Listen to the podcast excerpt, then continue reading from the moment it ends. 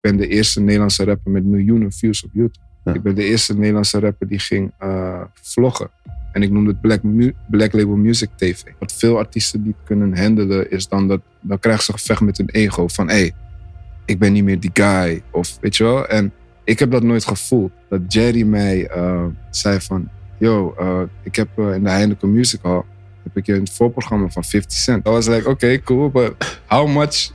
Hoeveel ga ik krijgen? Ik hecht er weinig waarde aan. Dus ik, ik vond het zelfs altijd moeilijk om in, eh, in de aandacht te zijn van mensen. Ik kon nooit nuchter een show doen.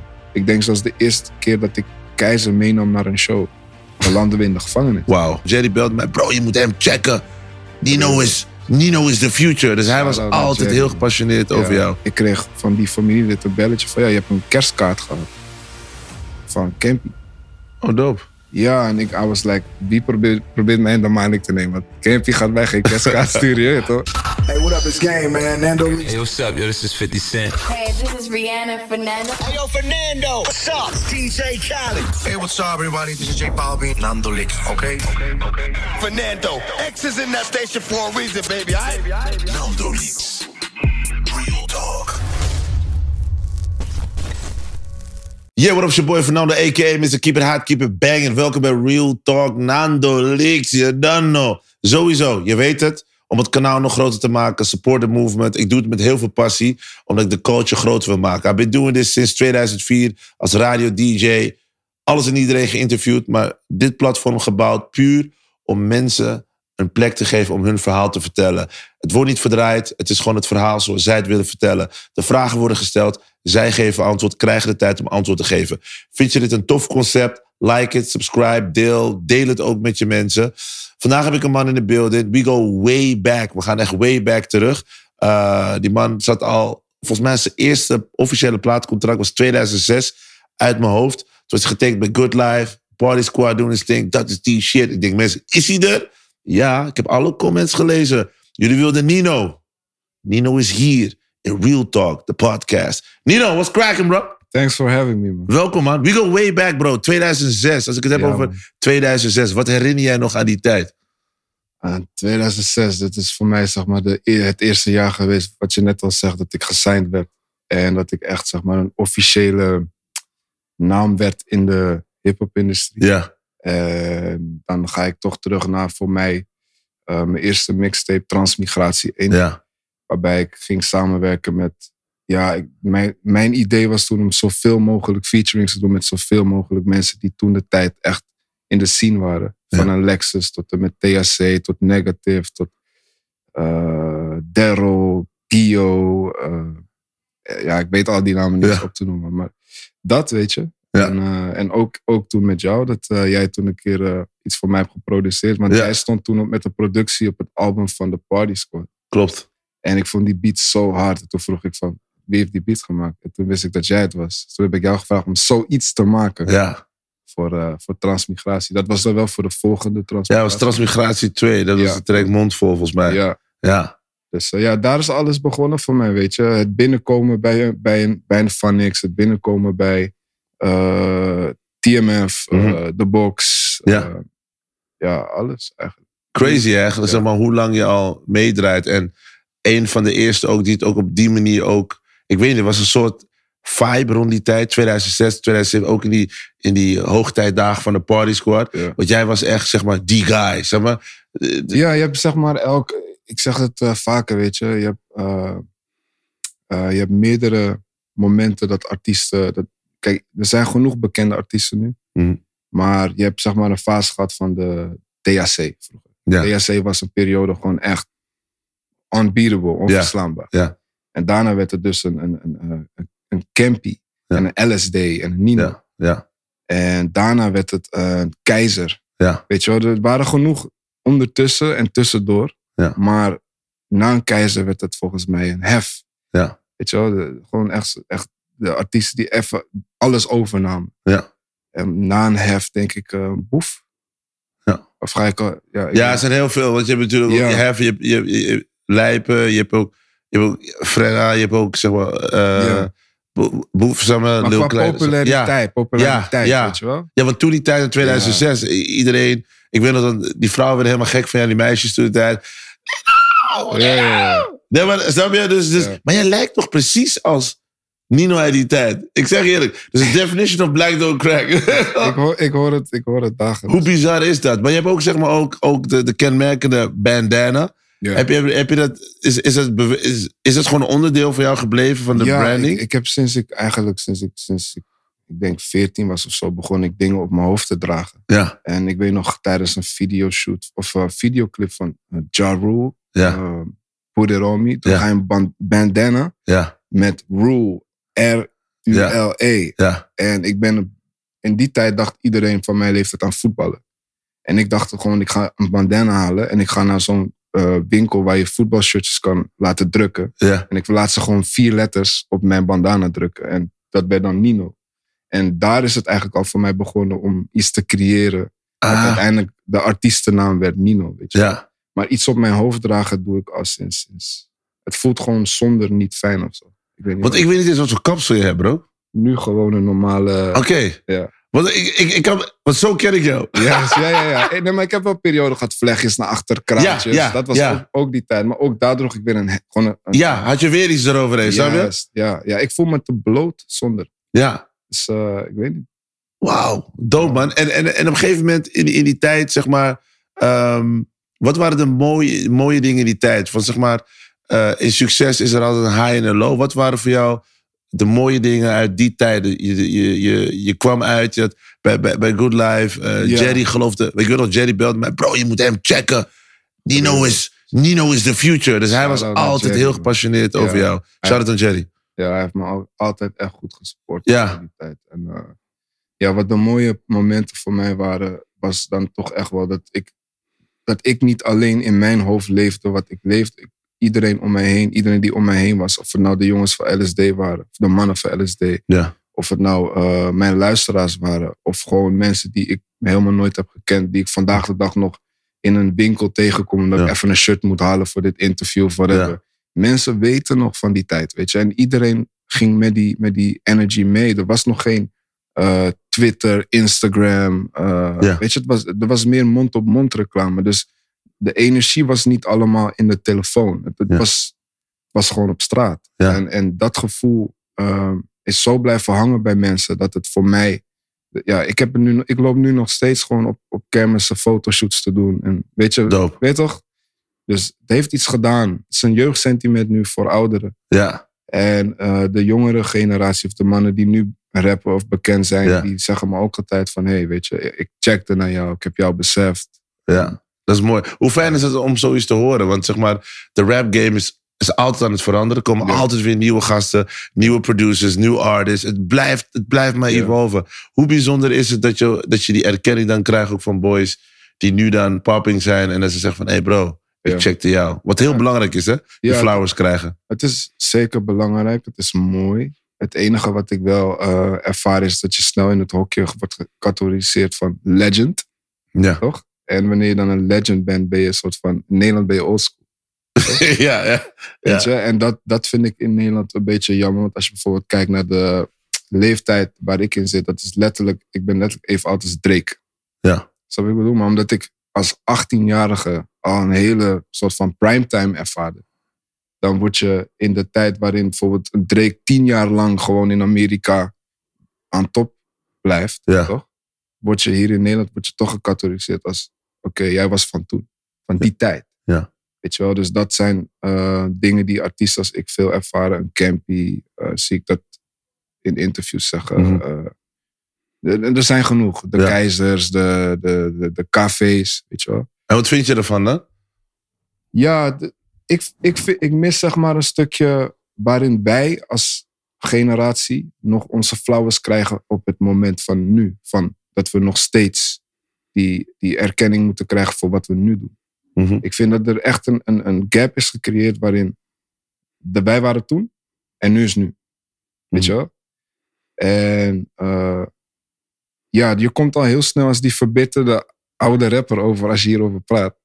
Maar dit is toch echt iets wat, eh, wat in de scene een soort van normaal ding is geworden. Terwijl als ik kijk naar het buitenland, als er een awardshow is of zo, dan zit een Buster Rhymes nog steeds in het publiek. die wordt nog uitgenodigd. In Nederland krijgt een Campy of een Nino niet eens een uitnodiging. Weet je, dat, dat zijn dingen die ik jammer vind. Ja. Ik, denk, ik denk het heeft ook te maken met het feit dat de scene nog volwassen moet worden. Ja. Ehm, kijk, Hip viert dit jaar volgens mij haar 50ste verjaardag. Volgens mij in augustus. Ehm, wij zijn nog in de scene. Want ik, ik ben het helemaal met je eens. Hè, want Ja. Ehm, ik vind het heel belangrijk om mensen hun credits te geven. Ik heb laatst, had ik Extins genoemd in een interview waar ik zat van... Ja. Voor mij, he's still one of the greats. Weet je? Ja, En dan, en, dan, en dan zeg je, hey, dope Fernando. Dan zeg je, hey, bro, dat, dat is mijn muzikale opvoeding. Ik ja, moet, als ik zeg maar een platform heb... en nu heb ik los van de radio ook dit als platform... waarbij mensen zoals jij ook hun verhaal kunnen vertellen. Ja. Waardoor het zaadjes plant bij degenen die nu aan het luisteren zijn. Juist. En die denken, maar wacht eens even. Zo heb ik er nooit over nagedacht. Mhm. Omdat ze nu naar een serieus platform kunnen luisteren van... hey, dit is real talk. Je hebt nu die real conversation van... dit is hoe Nino erover denkt. Want heel Mhm. veel mensen denken van... maar ik heb heel lang niets meer van Nino gehoord. Want er was een periode Mhm. dat jij allemaal awards pakte. Een van mijn favoriete tunes, Superheld. Eh, daarna was er een... Als een paar jaar leek het heel stil Ja. rondom, rondom Nino te zijn. What happened? In, ik weet niet, was het 2013, 14, 15? Het was een periode van vijf, zes jaar. Ja, ik, mij dat het... ik, eh, ja wat, wat je dan krijgt als je als, als artiest best wel heel erg lang domineert. Weet je, je moet jezelf dan op een gegeven moment gaan vernieuwen en gaan vernieuwen. Mhm. En op een gegeven moment, eh, weet je, ik zeg altijd succes en is, is God-given. Mhm, Weet je wel, en iedereen krijgt zijn moment. mhm. Toch? Klopt. En op een gegeven moment zie je gewoon van, hey, het is someone else's shot. Ja. Toch? En wat veel artiesten niet kunnen handelen, is dan dat, dan krijgen ze gevecht met hun ego. Van, hé, hey, ik ben niet meer die guy. Of, weet je wel? En ik heb dat nooit gevoeld. Ik heb dat altijd gehoord bij anderen. Als ik luister naar tracks, hoor ik mensen rappen van, ik sta aan de top en ik ben nu dit en dat gevallen. En dacht ik van, joh, zo moet je er niet mee omgaan. Weet je wel? Dus ik ben mezelf gaan vernieuwen. Ik ben op een gegeven moment gaan een stap terug gaan nemen en gaan denken van, hé, hey, wat wil ik nog meer doen in het leven? Ik heb in 2013 mijn eerste beat getikt.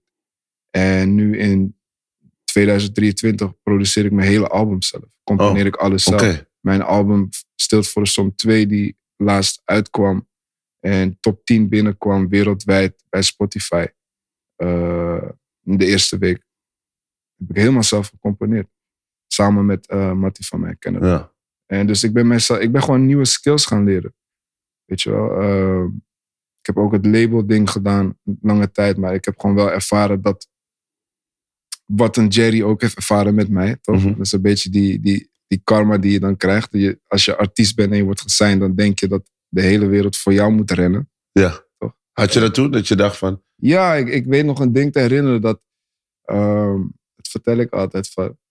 Dat Jerry mij eh, zei van. Yo, eh, ik heb eh, in de Heineken Music Hall. heb ik een voorprogramma van 50 Cent. En I was like, oké, dope. Maar ik was onderweg naar een show in Groningen. Dus ik voelde me die hele man, zeg maar. Dat was like, oké, cool. But how much? hoeveel ga ik krijgen? Je weet toch? En Jerry heeft gewoon gezegd van, eh, ja, nee, ik snap dit wel, maar ik bel je nog terug. En ja, daar hield het op. Weet je, like, op dat moment dacht ik serieus van, yo, ik ben Nino, ik ben bekend, ik pak ook publiek. Ik wil ook betaald worden, want ik moet wel werken. Toch? Wat niet Ja. een hele rare gedachte. Nee, nee, maar een voorprogramma van 50 Cent Ja, is, soms moet je ook is een even, hele goede op je cv. even investeren in de liefde. Precies, precies. Maar, maar wat gebeurde toen met het voorprogramma? Dat was... dat ging dan niet door natuurlijk. Want eh, ja, ik was niet aan het wachten meer op die show. Ik had echt heel veel shows. Ja, En eh, ja, een vervanger zoeken die niet geld gaat vragen om bij 50 Cent in het voorprogramma te staan in 2006. Ja. Dat is wel zo Maar gevonden. dat was 50 Cent in zijn prime, hè? Die periode, die run van Ja, 2002, 3, 4, 5, 6. Ja. Dat was toen die... eh, toen had ik hem geïnterviewd volgens mij. Maar, maar dat, dat was... ook in een hotel, toch? Ja, ja, ja. weet ik nog. Ja, man, die beelden, die beelden zijn trouwens online. Mijn 50 Cent interview uit die tijd. Zoals ik zeg, we go way back. Ehm, maar maar oké, dus, dus, dus dan kom je... Want je zegt, nu heb je een soort karma gevoel. Dus dan ja, dan, je- kom je, dan teken je nieuwe artiesten en dan... dan die verwachten dat van jou. van- Ja. Snap je? En dan merk je zelf van, oké, van oké, dit, dit, dit ben ik ook geweest. En nu ben ik in een nieuwe fase. En op een gegeven moment heb ik gewoon gezien van, wat mij betreft, eh, ik ben eh, iemand die gewoon echt alles of bijna alles zelf moet doen. Mhm. En ik wilde gewoon eh, iets om mij heen manifesteren waarin ik nog steeds mijn talent kan gebruiken, waarin ik nog steeds muziek kan maken. Zonder dat ik mijn energie puur richt op andere mensen bekend maak. Mhm. Gewoon eh, bij mezelf blijven en Mhm. voelen dat ik ehm, nog dingen te delen heb en nog moet delen. Dus daarom ben ik ook bijvoorbeeld een boek gaan schrijven. Dat ik op een gegeven moment voelde van oké, ik heb nu heel veel muziek gemaakt. Ehm, maar ik wil nu nieuwe mensen bereiken op een andere manier. Ik heb nog veel meer informatie in mijn kennis, wat ik niet in drie minuten kan uit op een track. Mhm.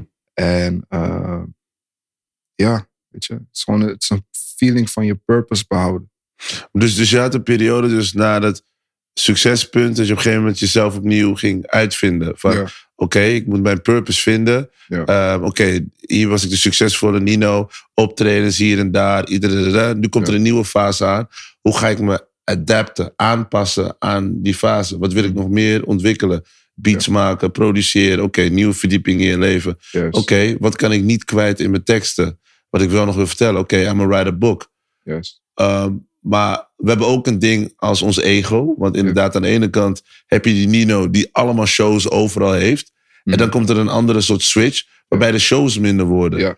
Hoe ga je daarmee om? Want mindere shows resulteert ook in minder geld. Ja. En een lifestyle die je hebt, die je op een gegeven moment op een andere manier moet invullen. ja, het voordeel van mij en vele, eh, ik denk artiesten die hier, hier ook gaan zitten of hebben gezeten, is ik doe het al dus independent sinds 2008. Mhm. Dus de tracks die mensen van mij nu categoriseren als classics, toch? Mhm. Eh, daar verdien ik bijna alles zelf op. Dus als hun nog die oude nummers gaan luisteren op Spotify of weet ik veel wat, komt heel veel percentage van dat komt naar mij toe. En eh, ja, dat, dat is gewoon een voordeel geweest waardoor ik altijd gewoon heb kunnen blijven staan. Oké. En eh, dat gaat nog steeds door. En ik maak ook nog natuurlijk eh, nieuwe muziek, waardoor het weer steeds weer even zo gaat. Ja, maar dan kunnen wel. gaan ze mensen ook weer... Ja. Die nieuwe gaan ze die oude tracks ook checken. dus dat is wel een ding. Maar natuurlijk, als de shows minder worden, wordt, dat, wordt de show money ook minder. Ja. En ehm, ja, ik heb, ik, het klinkt misschien heel, heel eh, alsof het niet zo is of zo, maar ik heb heel, ik hecht sowieso heel weinig waarde echt aan financiële dingen. Ik weet dat het belangrijk is voor deze wereld, Ja. maar ik hecht er weinig waarde aan. Dus ik, ik vond het zelfs altijd moeilijk om in, eh, in de aandacht te zijn van mensen. Ik kon nooit nuchter een show doen, omdat ik continu met mensen moest connecten en ik ben best wel introvert. Mhm. Waardoor ik ehm, het moeilijk vond om met aandacht om te gaan. Ook wetende dat die aandacht gebaseerd was op, op eh, ja, zeg dat, reputatie. Ja. En momentum. Weet je, dus eh, toen dat minder werd, werd het voor mij ook wat fijner dat ik minder hoefde te acteren. Dat ik minder een box hoefde te geven op straat aan iemand die ik niet ken. Of foto's moet maken de hele tijd. Of een supermarkt niet meer in kon. Weet je wel, ik ging op een gegeven moment en dat, dat, dat doe ik nog steeds. Door omdat als je vanaf je achttiende bekend bent. Ik, eh, als ik naar de Albert Kuip ga bijvoorbeeld. Ik loop altijd via die achterstraatjes. Ja. Dat, blijft in je systeem zitten, Ja. weet je wel. En dat zijn dingen die allemaal opgebouwd zijn van toen. Als ik iemand was die van aandacht zou houden. Toen of nu, dan ga ik in, de, in het midden lopen. Je wil dat zie mij, zie Ja. mij, weet je. En ik ben niet die type of person. Nooit geweest, ook niet toen. Ja. Dus ik, eh ik Ik voel dat ervaar- wel eens als kick, af, afkicken dan op een gegeven moment. ja, het is, kijk, je ego gaat afkicken van dan misschien eh, bepaalde aandacht die wel Mhm. leuk is. Ja. Maar- Vrouwelijke aandacht. of, eh, Ja, ja dat, dat vond ik ook. Dat was wel leuk, maar het was niet voedend voor de ziel. Mhm. En ik zat toen ook in relatie, weet je wel. Dus de, je, je kon er ook, ik kon er ook weinig mee. mhm. En stel je voor dat je een date hebt. Ik heb dat één keer meegemaakt. Dat was na die relatie. Toen had ik een date. Mhm. En dan bracht ik iemand bij me thuis. En toen dan zat ze voor me. En dan zei ze gewoon... "Ja, Ik kan het niet geloven. Ik zeg, wat? Ja, dat ik hier gewoon echt met Nino zit.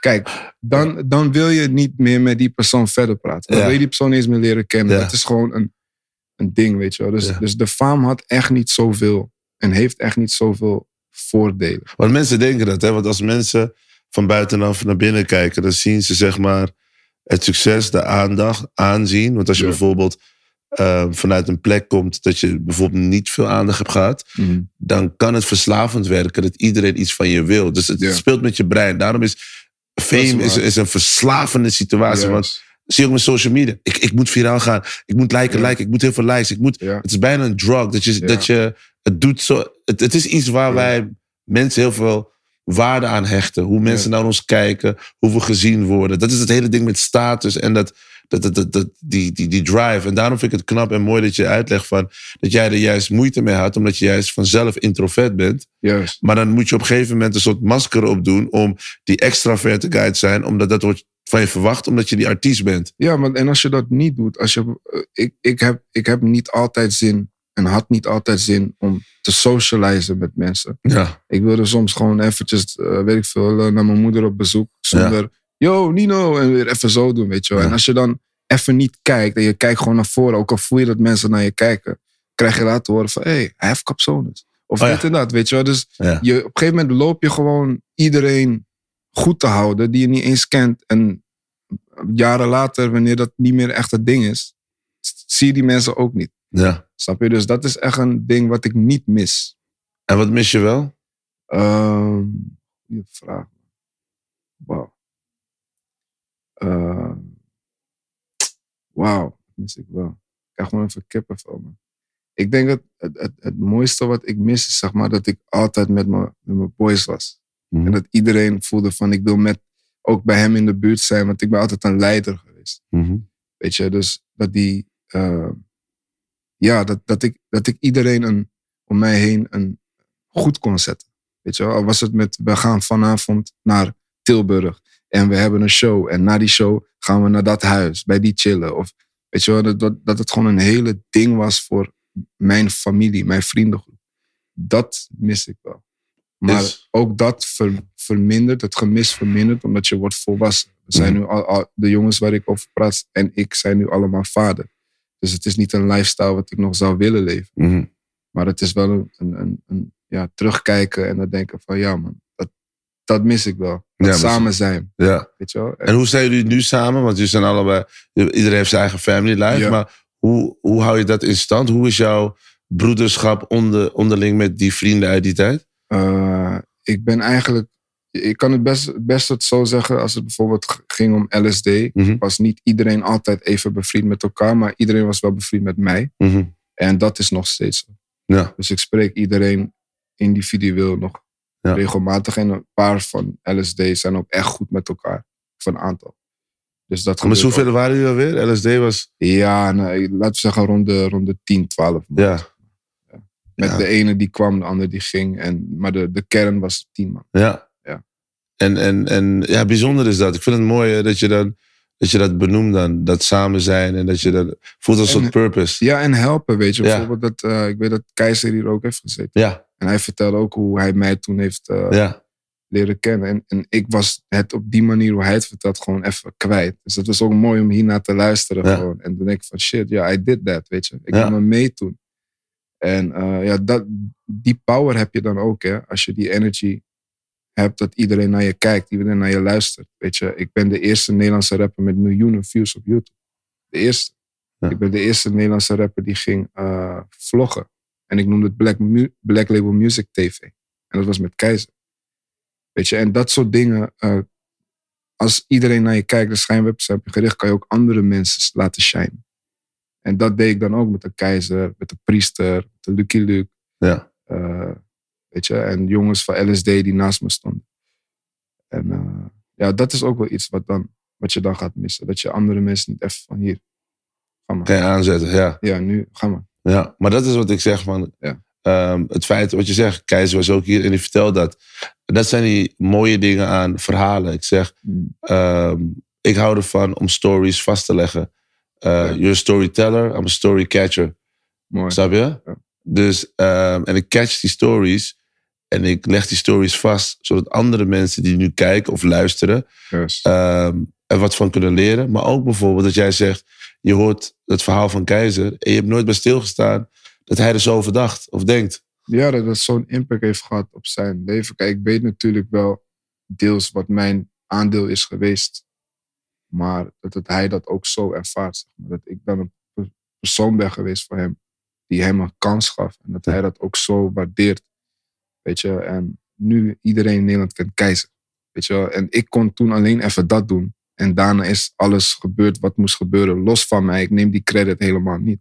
Weet je wel? Maar ik kon toch even iets in hem investeren. Ja. Doordat schijnwerpers op mij gericht Ja. Is die opportunity. Iedereen heeft een Ja.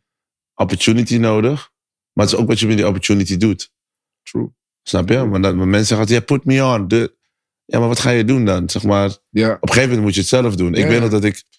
Eerst keer dat ik Keizer leerde kennen... pff, was, was het 2006 of 2007? Ik weet niet. 2008, 2009. Dat is lang geleden. Toen, was hij, toen kwam hij, toen had hij die Lil Wayne flow. waar heb je Keizer voor het eerst gezien? Ik heb Keizer voor het eerst gezien toen ik hem... Ik had hem toen in mijn... Ik weet het, Abdel van Street... Street, hoe heet hij het maar toen? Maar niet real life, hè, maar gewoon like the first, de eerste keer dat je hem besefte. Like muzikaal gezien. Was het 101 bars? Volgens mij wel. Ja? Volgens mij was het... Was lang geleden, man. Ja, dus dan moet je je voorstellen, Ja. bij de 101 bars. ja, De eerste sessie toch, die Ja. ook echt een miljoenen views pakte in een, in een week. Ja. Toch? Met Lucky Luke. Ik, ik heb die hele sessie die hun daar doen. Want ik, ik neem ook mezelf op. toch? Dus ik ben ook mijn eigen audio-ingenieur. Ja. Dus ik heb een hele mix gedaan. Ik heb een beat van mijn album Tra- Transmigratie. Of nee, Stilt voor de Storm 1. Uh, Fly as a Vogel. Die beats, daar, daar rapt hij op op die sessie. Ik heb eh, shirtjes gefixt. Black Label Music. Weet je wel? Ik heb zijn auto meegenomen. eh, gereden. Of uh, Rotjo gebeld. Van, yo, ik heb iemand. Ik heb, ik, je toch, ik heb twee nieuwe mannen. En Rotjo was ook gewoon heel makkelijk. Van, hey, als Nino me nu belt. Groen licht. Ja. Weet je wel? Dus ik ben persoonlijk hun gaan brengen naar, eh, naar Hilversum. Ja. En ik ben achter de schermen, zeg maar achter de camera's blijven staan. Ik heb mezelf niet eens gezien. Daarom zie je me niet in die sessie. Maar I was doing all that. Weet je wel? Dope. Dat, dat dat nu zo veel effect heeft gehad. Ook dat jij bijvoorbeeld hem daar hebt gezien. En zo van, I know dat ik dat toen kon doen. En dat is wel iets wat ik soms ook mis bij de nieuwe generatie. Heel veel artiesten zijn erg op hunzelf gefocust. En, en niet iedereen natuurlijk. Maar er is veel meer ruimte om iemand een spot te geven, weet je. Maar, maar kijk, wat die nieuwe generatie wel bracht, of dat is wat ik heel veel zag, maar dat heeft misschien ook te maken met, eh dat, met eh, New Wave. Dat je op een gegeven moment wel. Ja, en dat, dat is wel de kracht van hip-hop, vind ik eigenlijk. Ja, Wanneer je creatievelingen bij elkaar zet, ja, kan je mooie dingen maken. Omdat, Ja. weet je, het is een stukje voor jouw creativiteit en mijn creativiteit maakt magic. Ja en, dat, en, dat, en dat zat in de generatie waar ik uitkom. Er was te veel ego. Ja. Er was te veel beef en er was te veel dit en Ja. dat. Weet je wel? Dus dat vind ik inderdaad ook gewoon echt wel mooier van, van nu. Ja. En, maar dat deed ik zelf ook met transmigratie. Ik wilde met iedereen werken. Lexus had beef met, met, met Rox. Ja. En, maar ik zei gewoon tegen Lexus, ik ga met Rox werken. En ik zei Rox, ik ga met Lexus werken. Ja. En Nega zei ik ook, ik ga met THC werken. Weet je? Want ik, ik, ben, ik sta in liefde. Ja. Weet je? En, eh, Want jij hebt niet veel beefs gehad in je leven, toch? nee, ik heb alleen eh, dat met Campy dan gehad. Ja. Ja. Is het weer bijgelegd, ja toch? Ja, al Ja, toch? al Hoe hebben jullie dat eigenlijk bijgelegd ooit? Bellen jullie dan elkaar? Want ik vind dat, ik vind dat het leuk wanneer mensen beef oplossen. Ja, nou, ik heb toen een track uitgebracht december. ja. En eh, die ging best wel, best wel viral toen op internet gewoon. En was geen monster hit of zo, maar mensen voelden die track gewoon echt. Mhm. En was de Twitter-tijd. En op een gegeven moment, het was al een beetje stil tussen Campy en ik qua Ja. beef of zo. We hadden alle twee genoeg gedaan en gezegd. En op een gegeven moment kreeg ik een, eh, ik had, ja, ik had een postadres. Ja. Op dat moment bij een familielid. En ik kreeg van die familielid een belletje van, ja, je hebt een kerstkaart gehad. Van Campy. Oh, dope. Ja, en ik I was like, wie probeert, probeert mij in de maling te nemen? Want Campy gaat mij geen kerstkaart sturen, je toch? Ja, ja, ja. En eh, hij zat toen de tijd zat hij in een eh, had hij gewoon een gezin, Mhm. relatie, kinderen. Ja. En toen ik die kaart las en ik zag letterlijk de, de, de details met de puntjes op de E of zo van een van zijn kinderen hun namen. Ja. Toen dacht ik van nee, dit is, dat doet iemand wel heel erg zijn best om te Ja. doen alsof die persoon Campy is en mij kaart te sturen. Dus toen heb ik hem een DM gestuurd via Twitter. Ja. En toen heb ik gevraagd van, ben jij dat? Toen zei hij van, ja man, dit is hoe ik mij voel in december. En de sample van mijn track was, hoe voel jij je in december? Oh, wow. En toen hij dat deed, was het voor mij gewoon van, Maar mooi dat hij dat... eh, Ja. ja. En, en wat ik ook wil zeggen van, ik ben best wel sinds kind, heb ik vaak dromen. Weet je, zo even iets spiritueler. Ik, eh, ik droomde een keer, dat voor, dit weet Campy ook niet, maar ik droomde een keer dat Campy en ik, dat hij bij mij langskwam. Mhm. En dat we stonden ook bij een schoolplein en ik woonde vlak bij een schoolplein, echt Mhm. ernaast. gewoon. En dat we aan het praten waren en de vibe was gewoon goed. En dit was nog voor die kerstkaart. En ik moet zeggen, ik denk een jaar later stond ik met hem op die schoolplein. Omdat we de track gingen opnemen voor mijn album Lucifer. En eh, toen dacht ik van shit man, dit, dit stond te gebeuren. Wauw. Ja. Bijzonder, man. Ik vind dat, ja, mooi. Ik vind, ik heb sowieso een soft spot voor eh Campy, omdat ik vind, hij is echt een legend. Hij is echt gifted. Ja. Eh, maar ook in, hij was ook in een van de eerste Real Talks. Dus de eerste, het eerste concept was met SFB. Maar in de vorm van nu één op één Ja. was hij zeg maar de eerste in de Ik heb die aflevering. gezien. Ja, Ja. heel goede conversation. over Tegenover die- elkaar toch op een, Ja, een tafel. ja, ja. Ja, dus weet je, en dan, en dan legt hij ook uit van ehm, al die struggles die hij heeft meegemaakt, waardoor hij zo eh, gevormd is. Ja. En ik vond het altijd belangrijk dat mensen dat ook moesten horen van hemzelf. Omdat vaak wordt er geschreven over mensen, maar krijgen de mensen nooit de kans om het zelf uit te leggen. Juist. En dat vind ik belangrijk. En het feit dat jij nu een verhaal vertelt over de kerstkaart, is bijzonder. Ja.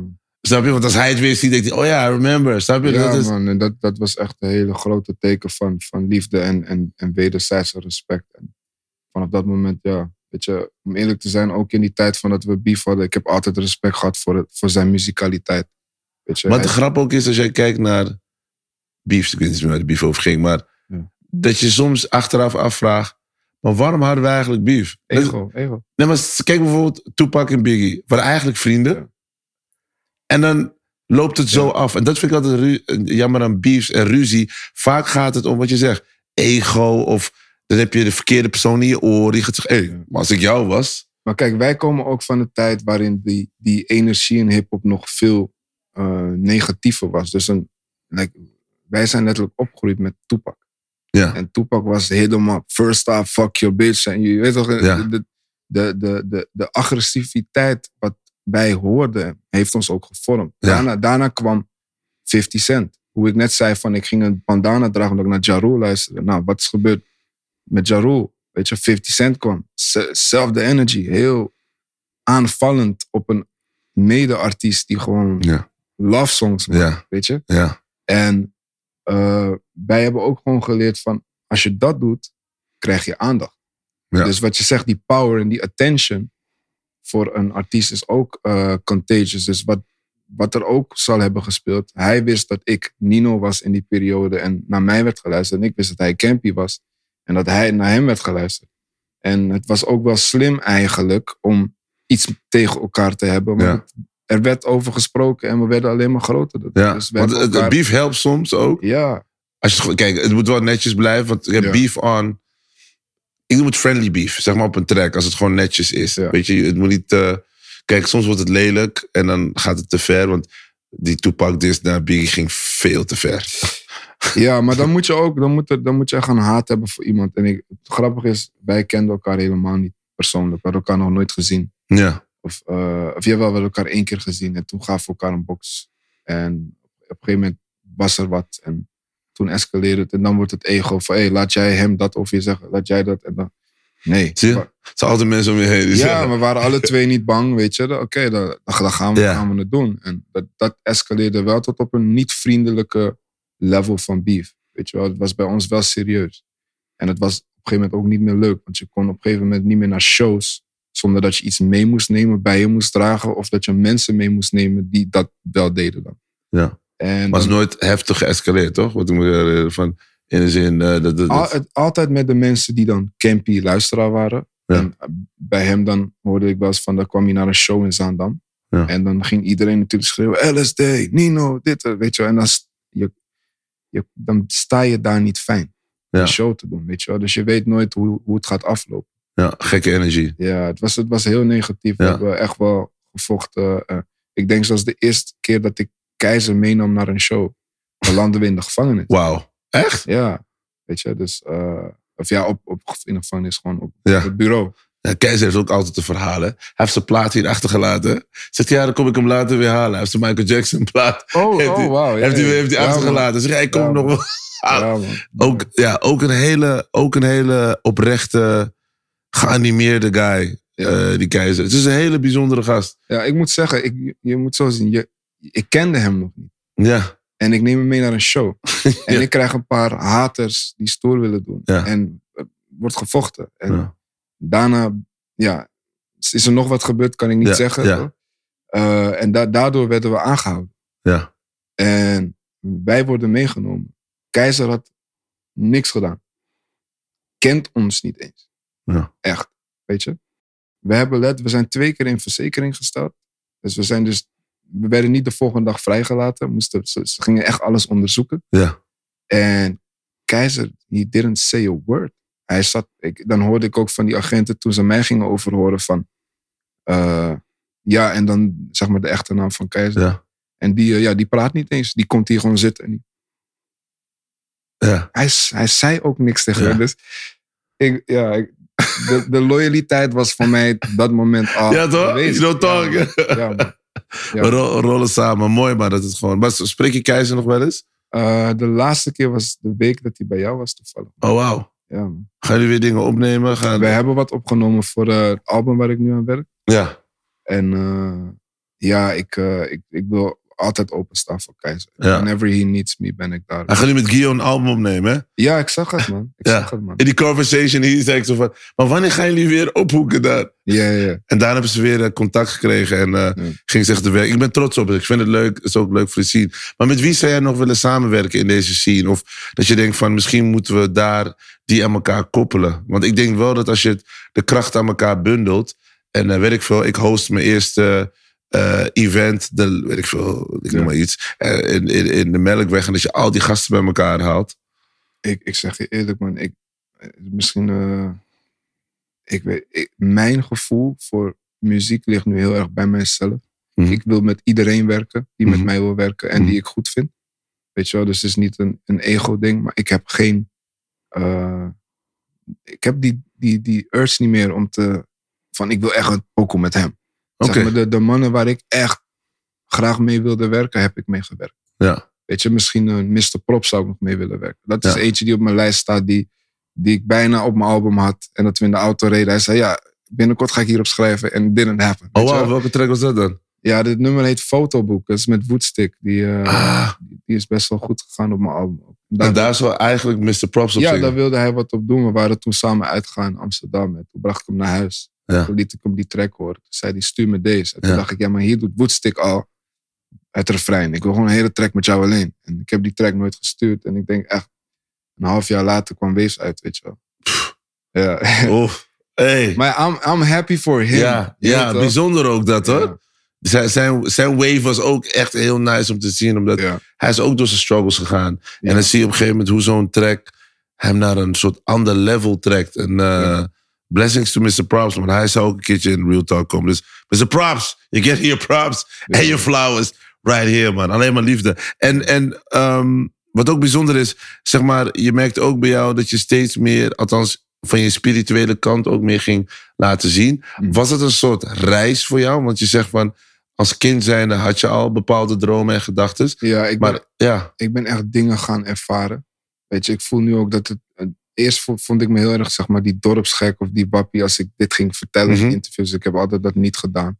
Maar ik ging echt dingen in mijn dromen ervaren. Dus ik zag echt dingen. Om een voorbeeld te noemen. Dit staat ook in het begin van mijn nieuwe boek. Mhm. Eh, of mijn eerste. Eh, in de periode, ik sliep een keer bij mijn grootouders. Ja. Surinaamse grootouders thuis. En eh, ik droomde dat er een vliegtuig in, een, in het grootste gebouw die ik ken van Zaandam, waar ik ben geboren en getogen, dat die daar invloog. Ja. En dat ik moest gaan rennen, want er kwam rook uit en weet ik veel wat. En ik vertelde dat dan, weet je wel, van ja, ik heb een raar droom gehad. Vliegtuig, dit en dat. En ja, er wordt niet veel mee gedaan, toch? We dromen allemaal Ja. wel eens wat. we allemaal- ja. Of iets raars of whatever. ja. En een week later kijk ik naar tv en zie ik dat beeld en dat gevoel terug. Maar dan is het, de hele wereld ziet het. En het was de World Trade Center, 9-11. Oh ja. Dus ik, heb, ik zweer op alles wat ik nog wil bereiken. Een week geleden voordat die shit gebeurde, zag ik dat. Wauw. Weet je, vanaf dat moment ben ik gaan beseffen van... eh, er, is, er is meer. En ik, ik krijg soms downloads en informatie binnen... wat niet iedereen ziet. Dus ik ga, als ik praat, soms ben ik een sta- stap te ver vooruit... waardoor mensen me raar gaan vinden. Maar ik moet dit doen. Ja. Weet je, en mijn muziek is ook toen gaan veranderen. Dat, dat gaat mee met je gevoel. Ik kreeg nog meer dromen en nog meer dingen te zien. En toen ben ik dat gaan, eh, gaan, gaan, daarover gaan schrijven. En ik heb letterlijk bericht gehad van luisteraars die gewoon zeiden van... Yo, in 2013 ging je echt te diep, man. UFO's, aliens. En, daar heb je me verloren. Weet je wel? En dan kreeg, maar ik wil je nu bedanken, want nu, tien jaar verder, begrijp ik alles wat je zegt. En, Ja, ik, ja. en, en nu zie ik het plaatje. Dit is echt allemaal aan de hand, weet je. Dus eh, ja, dat. Wauw. Is Ja. Planet Namek. eh, Ja, in die periode ben ik zeg maar, eh, mensen dachten van wat doet hij nou? Planeet Namek, weet je. Maar hoe dacht ik, hoe ik dacht was van, wat deed Michael Jackson? Hij voelde zich dat hij voor altijd jong zou zijn. Hij voelde zich een kind van binnen. ja. En dat is ook de, de moral of hoe wij moeten zijn als mensen. Like, we moeten niet iemand zoeken waar we oud mee worden, maar iemand zoeken waar we voor altijd jong mee zijn. En eh, Michael Jackson creëerde zijn eigen eh, Neverland, Ja. niemandsland. Want Peter Pan werd niet oud in Neverland. Ja. Dus hij heeft daar heel erg goed over nagedacht. En ik voelde, eh, ik weet niet of je Dragon Ball Z hebt gekeken. Of Bro, Yes. ik hou. Mijn, mijn, mijn, ik baseer heel veel dingen in mijn leven op Dragon Ball Z. yes. Dat als je neergaat, je komt terug. En elk gevecht maak je sterker. Dat is de power Ja. of a Saiyan. yes. En eh I love Goku, maar Vegeta is mijn broeder. Ik Vegeta heeft een bepaalde soort vechtlust. Ja. Kakarot! En dat hij, hij weigert gewoon. Ja, ja, ja. I am a prince. Ja, hij is de, en dat je? Dus, Royal Blood. ja, snap je? Hij wordt, hij gewoon para. Hoezo word ik geen Saiyan? Hey, en dan wordt hij Saiyan. Ik was zo blij. Ik, bro, ik zeg je eerlijk, ik heb gewoon gehuild af en toe met Dragon Ball Z. Ik. Ik huilde bij een keer dat, dat, ehm, dat eh, toen, toen Goku voor het eerst Super Saiyan werd. Why are you, why Yes. you, you monster tegen Freezer. Ja, dat hij ja, gewoon, ja. en dan verandert hij. Ja. Dat, dat was een huilmoment. Ehm, ook bij die, die androids. Toen die androids op een gegeven moment eh deden ging. Toen, eh, ja, zoveel eh, momenten. Dat ik gewoon, maar ik was, maar toen Vegeta Super Saiyan werd. Ja. Of nee, deze, toen hij doodging. Toen hij zei, I Oh, was ja. just a boy. And he Ja, took me... Snap je? Je kent die toch? He took me away from my father. Ja. Klaar. Ja. Toen ging ik te huilen. Mijn moeder zei, waarom huil je? Ja. Niks, niks. Maar dat, die, die pakte mij. Maar la- laat, me, laat me één ding erin gooien, toch? Want dit is wat heel veel mensen niet weten van Dragon Ball Z. Toch? Want eh, waarom, waarom ben jij eh, naar hip-hop gaan luisteren? Waarom, waarom, is hip-hop, waarom ben jij hip-hop geworden? Omdat je dat al was. Mhm. Toch? Het, het resulteert met jezelf. Het, je identificeert eh, hip-hop aan jezelf. Mhm. En Dragon Ball Z, waarom pakt dat ons zo? Toch? Ehm, voorbeeld. Welke ras op de wereld, wie's haar groeit omhoog als de Saiyans? Ja, in, me- in de meeste gevallen. Ja, ja, ja. Als het nog groeit. Als het groeit, ja. Maar dat, dat, dat zijn de, de, de, de melanated people. Ja. Het, het, het zogeheten eh, donkere ras. Toch? Ja. Dus ehm, wat was er met Frieza? Frieza was eigenlijk een colonizer. Hij pakte alle planeten. Ja. Ja. En hij ensleefde iedereen. Toch? En Frieza kwam van een plek waar het koud was. Bijvoorbeeld Europa. Toch? Want Frieza heette Frieza. En zijn broer heette Cooler. En zijn vader King Cold. Ja. Toch? En hoe noemde hij de Saiyans? En hoe worden vaak melanated people gediscrimineerd? Ja, en noem ze monkeys. Juist. Ja. Dus er Daar zit, heb ik nooit naar gekeken, man. juist, er zit iets in Maar heb je het zelf uitgevonden of ik staat het ergens? ik heb dit zelf uitgevonden. Oké. Dus- en ik ben ook gewoon eh, eh, gaan praten met mensen over dit. En like, het it makes sense. Ja. It makes sense. En daardoor voelen wij dit ook heel erg, want het zit heel dicht bij ons. Die Ja. Saiyans zijn, wij zijn die Saiyans. Wij Ja. zijn ook meer de warrior race. Ja. Snap je?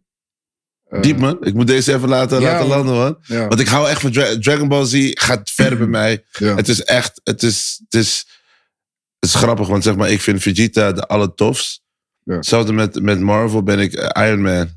Heeft ook issues met zijn pa. Nee, maar dat komt omdat ik, ik Ja. herken dingen Ja. die heel erg op mij... Als ik er nu over nadenk, hè, maar ook omdat ik ben ook wel eens in een therapiesessie gezeten... en dat die therapeut zei tegen mij van... Jij hebt een vurige desire om je te laten gelden. Dat heeft Vegeta ook. Ik vind Ja. heel apart als ik nu zeg, maar Nee, nee, nee. dat, dat is, dat is, daarom voelde ik hem altijd. Die, die, dat, dat, dat, en dan wanneer hij met, z'n- met Bulma is en met zijn kind, Ja. is hij heel chill. Zo ben ik ook weer. Oké, mooi. It brings me, en dat merk ik aan mezelf, van voor mij is een goede thuissituatie, het balance me out. Omdat Juist. het zorgt voor ik gewoon, heb, heb jij dat ook? Ehm, ik wil eerst nog even terug op, op wat mij dus heel erg met Dragon Ball Z linkt. Oh ja. En met waarom ik Planet Namek zei. Dat is omdat ik identificeer mezelf heel erg met Piccolo. Oh, waarom? Want Piccolo is niet de, eh, is niet like physically the strongest. Like in, in, dit, in dit pak, ik kan best goed vechten. Ja? Je weet toch? Ik heb heel lang kung fu gedaan, kickbox, capoeira. Zullen mensen niet snel Oh van shit, niet ook een chose takes. maar I can fight. Oké. Je weet toch? Ehm, maar eh, daar gaat het mij niet om. Ik vond Piccolo was heel wijs. En hij kreeg dingen mee. En hij was een teacher. Hij voedde Gohan. Ja. Weet je wel? Eh, en hij was de guardian of the earth met Kami. Want Ja. hij was Kami. En Ja. Kami was hij. We Ja. waren één eigenlijk. En werden later één, toch? En hij werd dus ook vaak niet begrepen. Dus Piccolo zat altijd alleen op zijn eigen berg.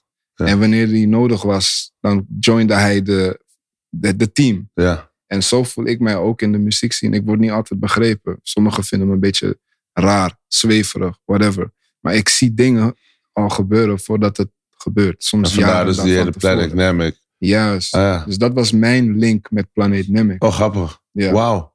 Maar diep ook dat je een link aan Dragon Ball Z. Want eh, Milton, en mijn beste vriend in de wereld, die, hij en ik waren obsessed met Dragon Ball Z. Bro, obs gewoon nog steeds. Hè? Als ik hoor Dragon Ball Z, ik ditch iedereen voor Dragon Ball Z. Het Ja. is gewoon, maar dat is waarschijnlijk die herkenning. Ik denk dat, dat Ja. het, het is die herkenning dat je dat eh, voelt.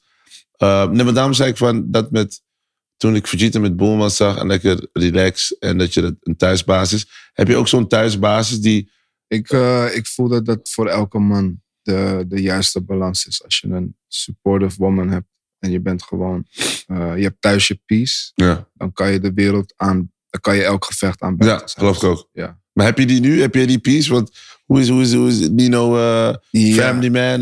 Ja, ik, ik, ik ben gezegend met, met drie kinderen. Blessings. Wauw, wauw zijn ze. Eh, mijn oudste zoon is negen, de andere is zeven eh, en, de, en de jongste is vier. Wauw. En hoe heeft vaderschap... Want het, is, het klinkt bijna een clichévraag, maar het is real talk. Als je ooit kids Ja. krijgt, dan weet je dat als je thuis kijkt. Maar Ja. wat is die verrijking die kids jou gegeven hebben, los van het feit dat je veel liefde voelt? Nog één keer. Wat is die verrijking die kinderen jou hebben gebracht, jouw kinderen jou hebben gebracht?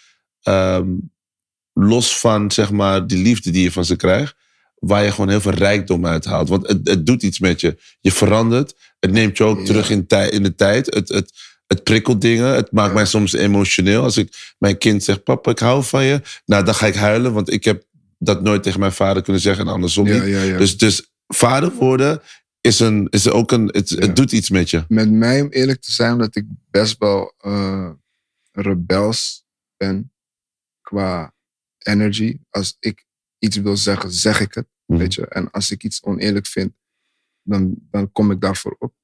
En dat kan bij mij, is bij mij zo een zwaar gevoel.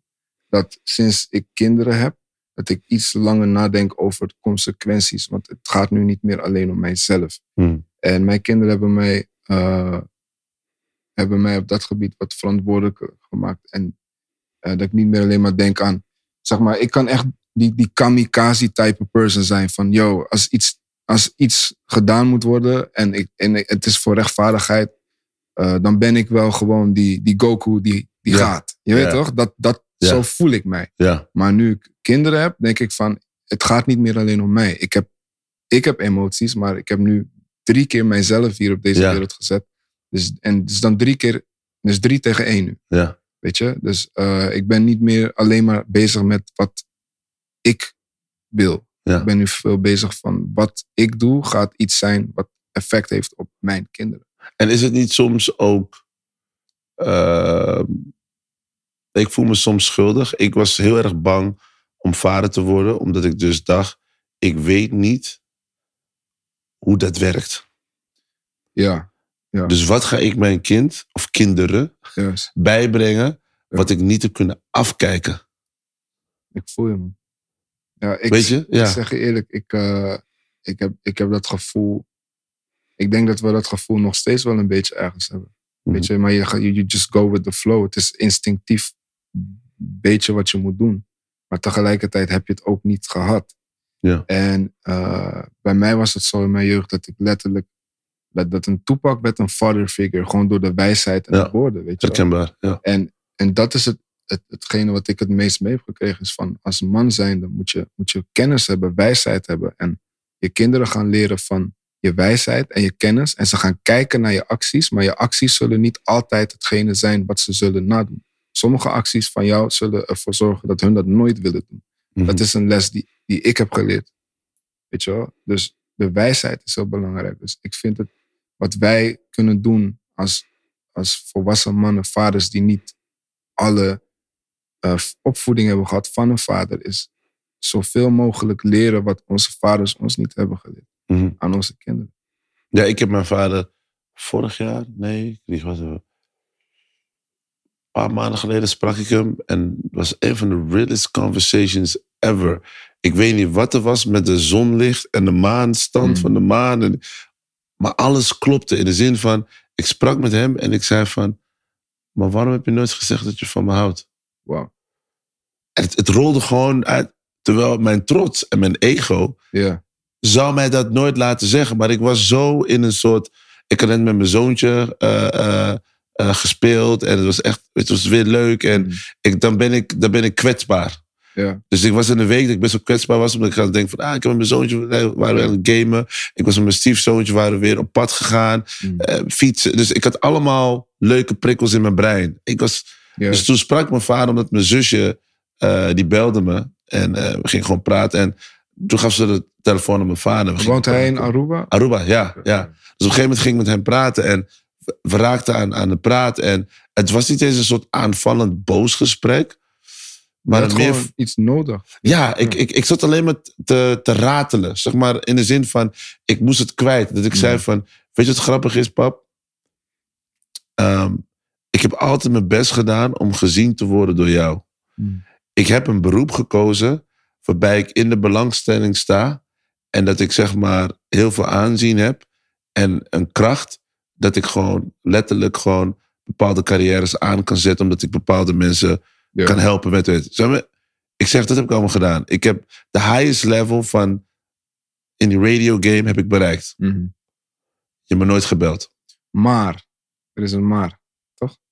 Ja, de grap is, wat ik dus tegen hem zei, ik heb al deze dingen bereikt, maar dat was nooit genoeg. Ja. Dus ik zeg, met alles, je kan me alles zeggen, what I've done, en dat. Ik zeg, het enige wat ik zo had gewild van alles, is dat je tegen me zei dat je trots op me was. Ja. En dat kan al zijn met, met, met putjeschepper worden. Maar je never told me that. Mhm. En dat is iets waar ik tot de dag van vandaag. En, en voorheen vond ik het heel moeilijk om hierover te praten. Maar ik heb het erover, omdat ik wel eens berichten krijg van mensen die zeggen: Wauw, dat je dat durft te vertellen. Ik, ik zou dat nooit durven vertellen. Ik had hier bijvoorbeeld John van der Heuvel, wiens vader hem in de steek heeft gelaten toen hij heel klein was. Hmm. Toen zei ik tegen hem: Wil je hem nooit opzoeken? Nou, hij weet toch ook waar ik ben? En dan merkte je nog van: Ja, ja, die heb ik ook gehad ooit. Ja, Ja, dat gevoel, toch? Dat je, je voelt je eigenlijk eh, eh, een beetje alleen gelaten. ja, En dan blijf je, ben je ergens boos, ja, toch? En dan, dan, dan, ja, dan heb je een ego die die boosheid, die boosheid beschermt dan zeg maar die, het verdriet. ja, ja. En eh, die schild is, ja, ik, ik kan echt iedereen zeggen die met dit soort gevoelens loopt. Van, Ja. joh, zoek je vader op, stel alle vragen die je wil Heb stellen. je dat gedaan? Ik heb het gedaan. ja. Oké. En ik moet zeggen, mijn situatie is toch een beetje anders. Mijn vader heeft mij gewoon erkend. Of dat hij dat. Hij was bij mijn geboorte. Mhm. Hij was. eh, tot, tot en met mijn vierde jaar dat mijn ouders samen waren, Ja. waren ze samen. En hij ging. eh, hij heeft altijd op afstand, wanneer het dan even wat beter met hem ging, kwam hij mij wel opzoeken. Ja. Hij heeft mij wel gezegd, ik hou van je. Hij heeft mij wel gezegd, eh, ik ben trots op je. En ik heb wel altijd kunnen horen van iedereen die hem kende eh, in een jongere fase, zeg maar, van wat zijn greatness was. Dus ik had wel iets van, oh, weet je, als iedereen tegen je zegt, ja, je vader was niks of zo, en jij, eh, jij hebt talent, weet niet wat vandaan komt, dan, Ja. dan is dat anders. Maar als je van iedereen te horen krijgt, hé, je vader was echt eh, een van de sterkste vechters van Zaandam. Eh, je vader speelde een tijdje bij Vitesse. Je vader, is, dan krijg je toch het gevoel van, maar Oh, wauw. oké, he, so he's great. Ja. Maar hij is er niet voor mij, maar he's great. Weet je Ja. wel? Dus dat gevoel wat je ook hebt van, then you want to achieve something. Ja. Weet je, dat werd bij mij ook heel erg van, oké, ik wil ook dat. Weet je? En, ehm, en als ik hem dan zag, ja, de manier hoe die loopt, eh, zijn heel demeanor is, was heel stoer, masculine, weet je Ja. wel. Dus ik had wel iets van, oké, dat, hij is, dat is wel echt mijn vader. En elke keer wanneer ik hem dan zag, dan werd je ook weer kind. Toch? Dat, heb jij ook. Dat, dat, gaat niet weg. Ja. Weet je wel? En ehm, ja, ik heb dus wel op een gegeven moment met hem kunnen zitten. eh, en gewoon ook wat jij zegt, je zegt van de zon en de maan. Het was gewoon een moment dat je een bepaald gevoel Ja. Dat ik gewoon echt die vragen ben gaan stellen. En hij heeft mij ook gewoon zijn kant van het verhaal gegeven. Mhm. En eh, dat heeft mij heel veel, eh, eh, zeg maar, het heeft heel veel wonden bij mij, zeg maar, geheeld. Ja, omdat hij het ging uitleggen van... Ja, omdat ik op een gegeven moment dacht van, wow, wacht even. Dus jij, dat heb ik ook op een track van mijn laatste album, Stilt voor de Storm 2. Die track heet Geen Prater. Want mijn vader is geen prater. Maar hij heeft dingen meegemaakt als kind, dat hij zou nu hier aan kunnen schuiven en zo mee kunnen praten over zijn vader. Ja. Snap je? En daar begint het al. Dan, Ja. dan wordt hij. Als je, als je naar je vader gaat luisteren, of naar je moeder, maakt niet uit. Als iemand wordt meegemaakt zonder judgment, maar Ja. gewoon als een persoon die zelf wilt, Ja. eh, wilt begrijpen, Ja. dan ga je ook wel begrijpen. En mijn vader had een situatie met zijn vader. En zijn vader, ik heb ook met mijn opa gesproken. Ik heb hem ook alles gevraagd. Hoe was het voor jou als jeugd? En hij had weer situatie met zijn vader. Ja, een soort generatie. Ja, dus op een gegeven moment is het. Wat is de les is gewoon voor mensen is van break the generational curse. Ja. Jij bent je vader, jij bent je opa. Maakt niet uit wat je van ze vindt, wat je bij ze voelt. Jij bent hun DNA. Jij bent hun offspring. Make the change, zodat Ja. hun dat het stopt. Zeker. Dat de karma verandert. Zeker. Weet je, en dat ben ik gaan begrijpen van. Dit gaat niet over, ehm, over alleen maar mijn emoties. Ik ben een resultaat van generaties en hun emoties. Ja. Weet je? wel. En ik moet gewoon nu, voor de nieuwe generatie, moet ik het anders doen. Ja. En, eh, Herkenbaar. Dat is ook heel belangrijk dat je dat zegt. Want we kunnen het blijven kopiëren. Maar je Ja. kan ook de, de, de change maken door zeg maar verandering te brengen. En wat het ook is. Iedereen heeft een verhaal. Want wij zijn het resultaat van het verhaal van een ander. Maar als jij weet waar het verhaal begint. Het is hetzelfde als je iemands hart breekt. Oh, je bent dit. Oh, je bent dat. Maar niemand weet wat voor bagages jij bij je meedraagt. Ja. En wat van een andere persoon iets bij jou getriggerd heeft. Ja. Waardoor dat de reactie was. People who are hurt, hurt people. Sowieso. Ja. Sowieso. En, en daarom is het belangrijk. Dit soort conversaties. Kijk, normaal gesproken heb je dit soort conversaties achter gesloten deuren. Mhm. Eh, en nu hebben we het zeg maar on cam. Maar dit wordt vastgelegd waarbij dus de volgende persoon die met struggles zit, die niet kan praten, die Ja. hoort dit te denken. Er zijn Oh, velen. Er zijn velen. Ja, it's a lot of people. Maar, maar we leren eigenlijk ook in onze culture. Nee, je hoeft toch niet te praten. Ik bedoel, Ja, je Ik- moet stoer zijn. stoer man. Dat, dat is dat ding ook met muziek. Daar, daardoor ben ik, eh, ben ik zeg maar ook heel erg gebleven in. Want ik had, ik had een, toen de tijd een toepak als voorbeeld. Hij maakte de, de, de most street. Type of tracks. Maar hij maakte ook de Dear Mama. Ja, En man. de Keep Your Head Up. Ja, Toch? Dus ik ben in het begin ook gaan aftasten van wat past beter bij mij. En weet je, ik, ik kon alle twee doen. Maar ik merkte wanneer ik een e- emotioneel nummer maakte en een, een, een helende, met een helende werking, dat ik zoveel respect kreeg van de, van de grootste street dudes. ja, ja. Weet je wel, dat ik dacht van, dit is eigenlijk stoer. Want iedereen is, het is makkelijk om gewoon die straat iemand te zijn, niks Ja. te zeggen. eh Ja. Een beetje, ai, fucker.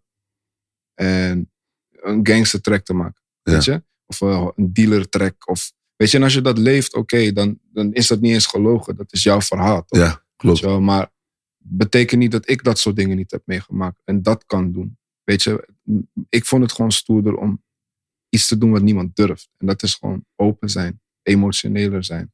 En ja, dat eigenlijk. Wat zou je nu tegen de. ehm, als je nu terug in de tijd kon gaan. en met de jonge versie van Nino zou praten. wat had je hem gezegd. om zijn plek beter te navigeren in life?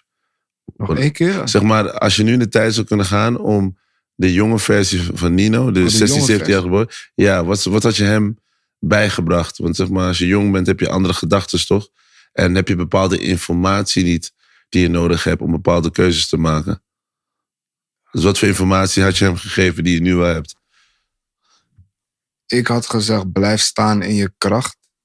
En eh, doe wat jij nu voelt dat je moet doen. Want op een dag gaan mensen jou heel erg waarderen voor wat je vandaag de dag doet. En laat die onzekerheid los. Want ik probeerde in, in ik denk, ja, 12, 13 jaar geleden ook mee te gaan in geaccepteerd worden in de hip-hop scene. Je moet ook zo zien. Ik was de eerste eh, rapper die best wel best wel goed ging met YouTube en views en millies. En stream, nou, streams was er nog niet, weet je, dus echt de views. Maar ik was independent. En dan ben je net een jaartje weg van, eh, van Good Life. Ja, Waar Good Life ook een deel was van Top Notch. ja. Toch? En dan wordt er ook naar je gekeken door de majors. Dat was een major label. Ik ging opeens independent. Ik ging shirtjes verkopen in mijn eentje.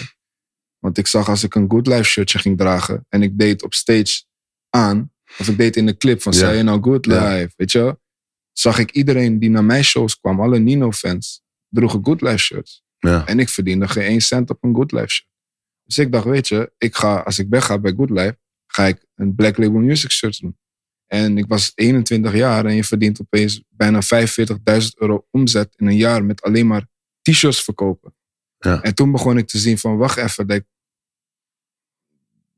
de game is nu in mijn handen, weet je. Ja. En dat werd ook gevoeld door de, door de labels, door de majors. ja.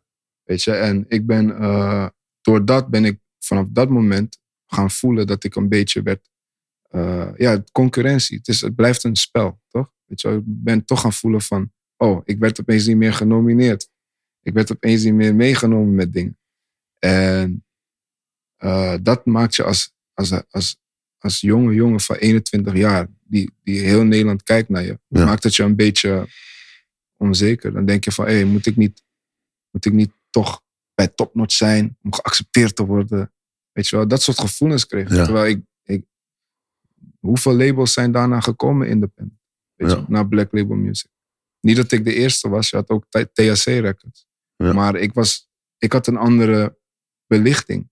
En daar keken heel veel mensen naar. Ja, want je ging lekker met Good Life. Want Good Life was een label, volgens mij die Jerry en de Party Squad samenzetten. Ja. Met Kees de Koning, met Top Notch samen. Ja. Maar in principe, eh, ik begreep nooit waarom je was weggegaan. Want ik dacht van, jij was de enige guy waar ze op focusten. Ja. Jerry was kapot fan van jou, dat weet ik nog. Die zegt van, deze guy! Je weet toch? Dus, dus je had dan al die, die dingen mee. Dus ik begreep nooit van ehm, waarom je wegging. Waarom je dacht van, ik ga het independent doen. Ja, ik ben daar gekomen omdat ik, eh, dat ik wilde, wilde groeien. En ik was al, ik deed al shows door heel Nederland met LSD. Ik had al een, ja, toen was het urbanvideos.nl. Ik weet niet of je dat kent. Mhm. Maar dat, de, de eigenaar daarvan is nu de eigenaar van Puna.nl. En die had toen THC eh, in de Noordside of zo. En die stond maandenlang op nummer 1, weet je. En toen had ik Zoals ik ben, LSD Zoals ik ben, featuring D-Love, had ik, had ik geüpload bij urbanvideos.nl. En dat sloeg THC weg van nummer 1. En daar begon alles, weet je wel. Dus ik had al, ik had wekelijks shows door heel Nederland. En toen Good Life kwam, nou dan, dan, tuurlijk, dan krijg je opeens een soort van gevoel van je gaat echt in de scene. Mhm. Je gaat nu op tv komen. Eh, wat ook al gebeurde, eh, mijn, ik heb toen een meeting gehad met eh, Jerry en Kees. En Hmm. toen zei Kees, ik ga deze track, deze, deze clip, zoals ik ben, ga ik op de box eh, laten draaien. Toch? Maar je moet dat gewoon je moet het aanleveren bij de. Ja. En hun bepalen dat uiteindelijk. Maar al door de woorden die ik zei in die tracks, of in die track, hebben ze het afgekeurd. Dus daar voelde ik al, ik was, ik was 18. En toen dacht ik al van, oké, dat wat Toepak een beetje meemaakt in Amerika, een beetje Ja. geboycott worden, omdat Ja. je wat dingen te zeggen hebt die niet alleen maar, der- eh, zeg maar eh, destruct- destructive zijn Mhm. voor de luisteraar. Ja, ja. Dat, dat, dat, dat zit dus ook hier in Nederland. Dus dat wist ik niet. En eh, ja, ik, ik, ik dwaal nu een be- beetje af van waar ik naartoe wilde. Maar dat gebeurde toen al. En toen ik dus een jaar bij Good Life zat. Toen eh, merkte ik gewoon van oké, ik snap nu alles zelf. Ja. Weet je, en ik, ga, ik kan hier wel blijven. Maar ik voelde niet dat ik alles kon uiten wat ik wilde. Want ik had een track gemaakt die heette Als ik ga. En het was een hele diepe song. Ja. En Singa zong het refrein. En toen liet ik het aan Jerry horen. En Jerry luistert in de auto. En hij zegt, echt een harde track. Zegt maar, het kan niet de eerste single worden. We moeten echt, jij bent, jij bent de Nederlandse LL Cool J. En kan je je voorstellen van, kijk, ook toen weer was ik dus die onervaren rapper die gewoon dacht dat hij Tupac was in zijn hoofd. Weet je wel? Maar ik, sna- ik het commerciële plaatje niet waar Jerry het over had. Toch? En ik voelde mij ook niet een LL Cool J. Ik ben geen liplikkende rapper. Weet je wel? Maar ik, Ja. ik, ah, ik zou het kunnen doen en het zou me staan. Ja. Dat was meer Jerry's visie. Ja. Weet je wel? En ik deelde die visie niet. Dus toen had ik iets van, ik voel me niet meer echt op mijn plek. Want ik ben iemand, als ik praat, mensen luisteren. Ik heb informatie, ik heb knowledge. En eh, ik wil dat delen. Ik wil mensen helen met mijn muziek. Ik wil niet alleen maar chickie tracks maken. Omdat ik er voor een man eh, eh, mee wegkom. Ja. Weet je? En eh, daardoor had ik een gevoel van nee man, dan ga ik mijn eigen weg. En ik denk dat dat nummer die ik aan hem niet horen acht jaar later uitkwam of zo op mijn debuutalbum. En dat binnen daar nog een first update, weet je wel. En ik had het nummer ook laten horen aan Edcilia Rumbi. En zij wilde ook dat nummer doen. Dus, Ja. En Nice. dat waren nou, als je me zou vragen van welke mensen wilde je echt mee werken, wat je op je lijstje had, nou dan waren dat twee namen die ik ooit op mijn lijstje heb. Vinden het Syria. Ja, Ja, precies. En dat heb ik al afgevinkt. Ja. Bijzonder, zeg maar, dat je zeg maar, ehm, weet je, dat je naar, naar je gevoel luistert. Ja, Want in principe, ehm, je moet nooit kijken naar what ifs, maar soms denk je van, maar je, je hebt, alles is keuze. Dus als je was gebleven, was je misschien een hele andere rapper geworden. Ja. Ik denk misschien zelfs, nou, nee, want je was al succesvol. Ik wil bijna zeggen, want als hij een Cool J wilde maken, dan had hij waarschijnlijk ook door laten groeien naar films en dat soort dingen. Want dat zie ik jou ook dan weer doen, snap je? Mhm. Omdat je ook die appeal hebt, snap je? Mhm. Dus, maar zie jij dat ook? Heb je dan ook nagedacht later van... hé, wacht even, als ik misschien twee jaar langer was gebleven... dan had ik misschien op een ander punt uit... Het is een beetje what-if gedachten, ja, maar... ja, ja, ja, ja. Dan, dan, dan, dan, want, want een major kan iets voor je doen... wat je soms als independent nog niet kan doen op dat moment. Want een major heeft een bepaalde power... om je op een bepaalde manier in de markt te zitten. Maar ik geloof wel dat als je eenmaal die power hebt... en je hebt ook nog de mensen om je heen... die ook nog de groundwork voor je kunnen doen... dan kan je het ook independent. Maar eigenlijk heeft de major heeft wel die extra push...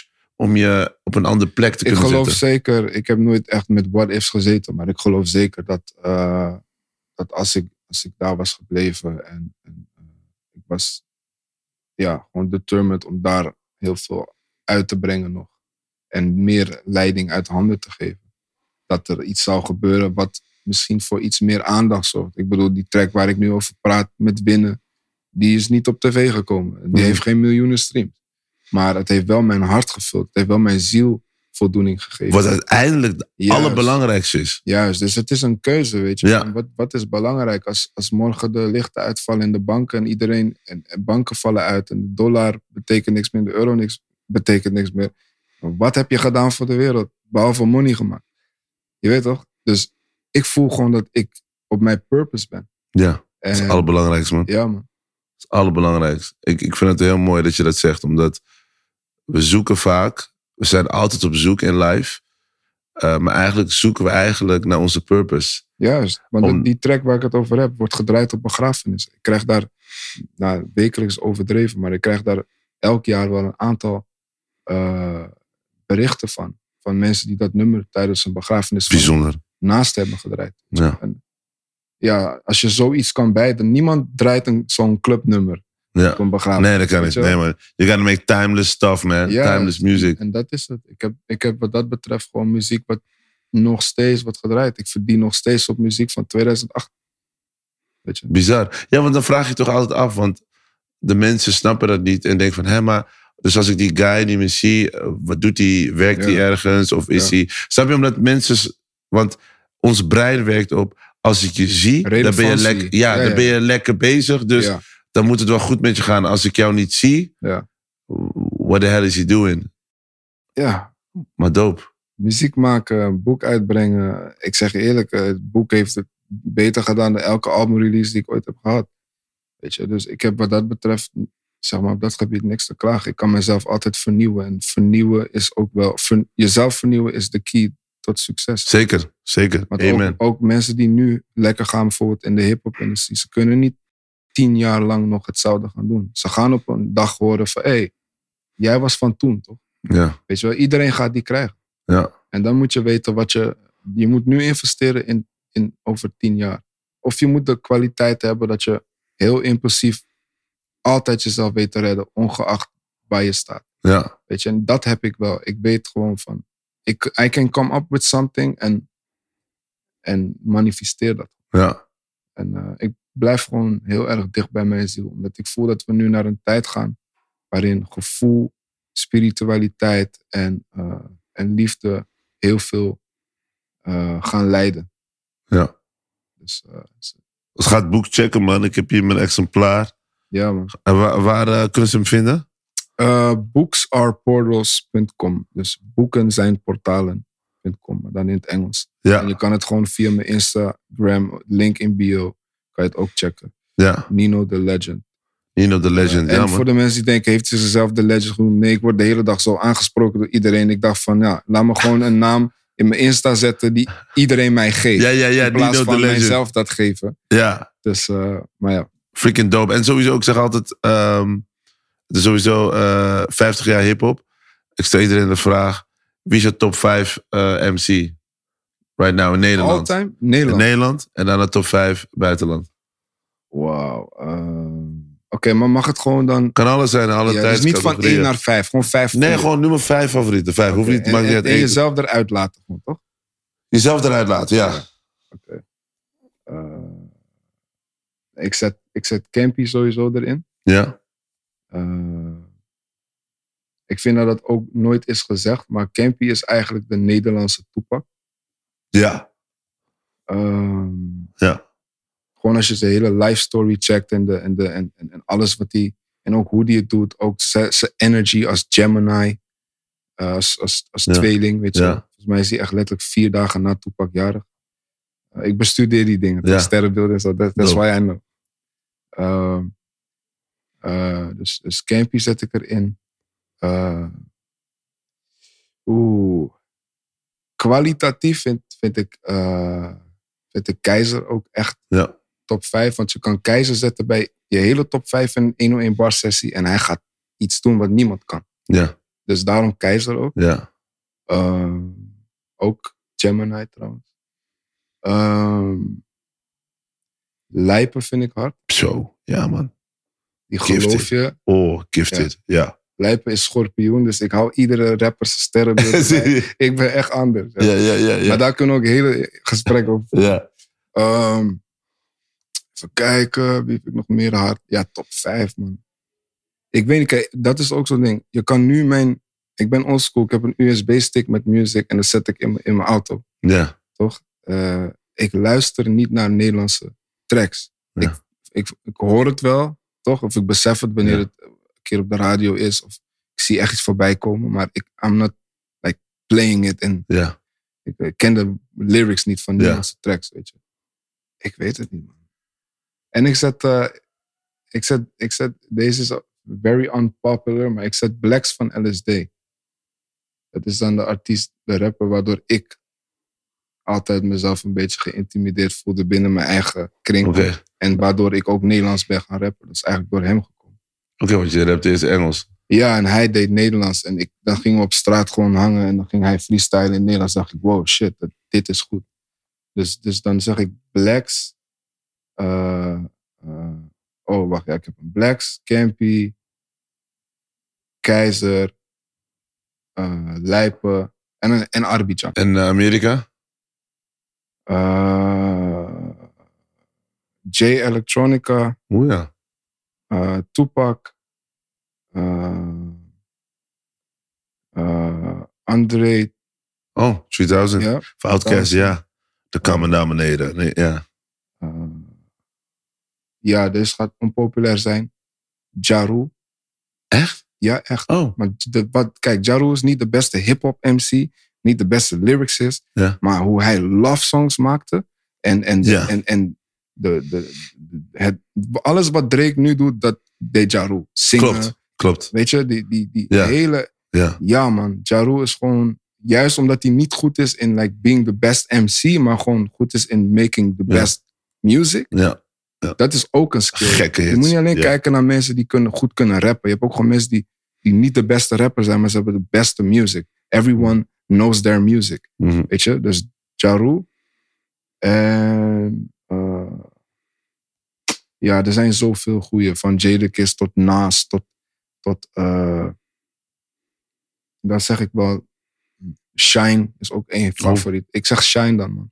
Shine is een van de artiesten die me af- Shine heeft, Shine heeft nooit zijn shine gekregen. Om met, Yes. wo- woordspelingen door te No gaan. pun intended. Ja, hij had, hij had in mijn optiek zoveel nog meer uit zijn carrière Ja. kunnen halen. Mits hij niet zeg maar, vast kwam te zitten. Maar dat had ook te maken met de hele, de hele situatie in die club. Yep. Eh, maar toen hij kwam op die track Bad Boys. Ja. Met die Barrington Levi. Ja, Toedeloe, toedeloe. ja. Check, trouwens, ik heb een playlist. ehm hip-hop throwbacks, hip-hop classics. Dan heb ik gewoon een lijst. Want ik ben echt een guy die houdt van eind jaren 90 hip-hop, 2000 hip-hop. Dus de Jay-Z, de Nas, de DMX. ja. Gewoon echte zwaargewichten, snap je? Dus Ja, ja, ja, de blueprint voor heel veel lyrics. Dan heb ik een playlist gemaakt. En soms luister ik daarna. En dan, dan hoor ik gewoon ook qua producties hoe ver die gasten waren. Swiss Beats die gewoon altijd anders kwam. Maar ook Timbaland die gekke beats er doorheen gooien met de drums. En dan Pharrell. Pharrell die is heel eng. Als je Ja. kijkt wat hij voor Noriega maakte. Ja. Super Talk. Ja. Een track uit 1998. Die nog steeds de speakers kapot maakt. Snap je? Dus ik heb, en, en die track, die Barrington Levy, Bad Boy. Dat is die song dat je hoort. Nou, tell me who the fuck, ashes, Ja. ashes, dust dust. Vind je niet dat, dat Lexus de, de Nederlandse shine is? Ja, Ja, toch? ja. Hele vette stem heeft Lexus hoor.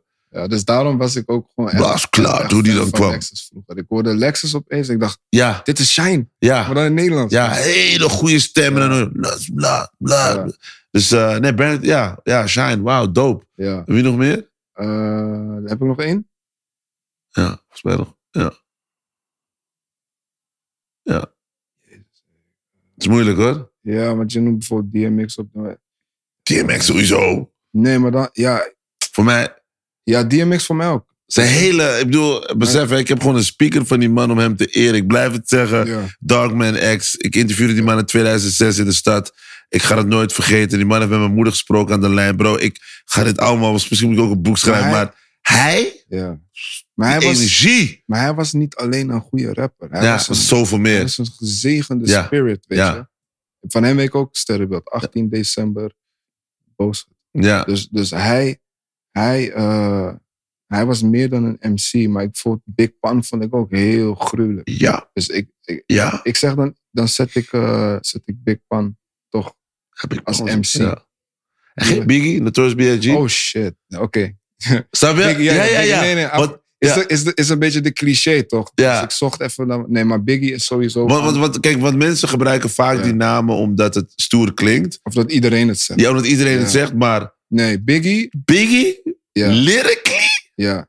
Ik was, ik was echt like... Ik was die, die, die, die youngboy die, die, die Westside maakte, handgebaren. En, en fuck Eastside op de muur schreef. Omdat ik helemaal... Dus ge- helemaal als je- indoctrinated was met Ja, de East ja, Coast, ja, West ja. Coast. Ik wilde geen Biggie luisteren. ja.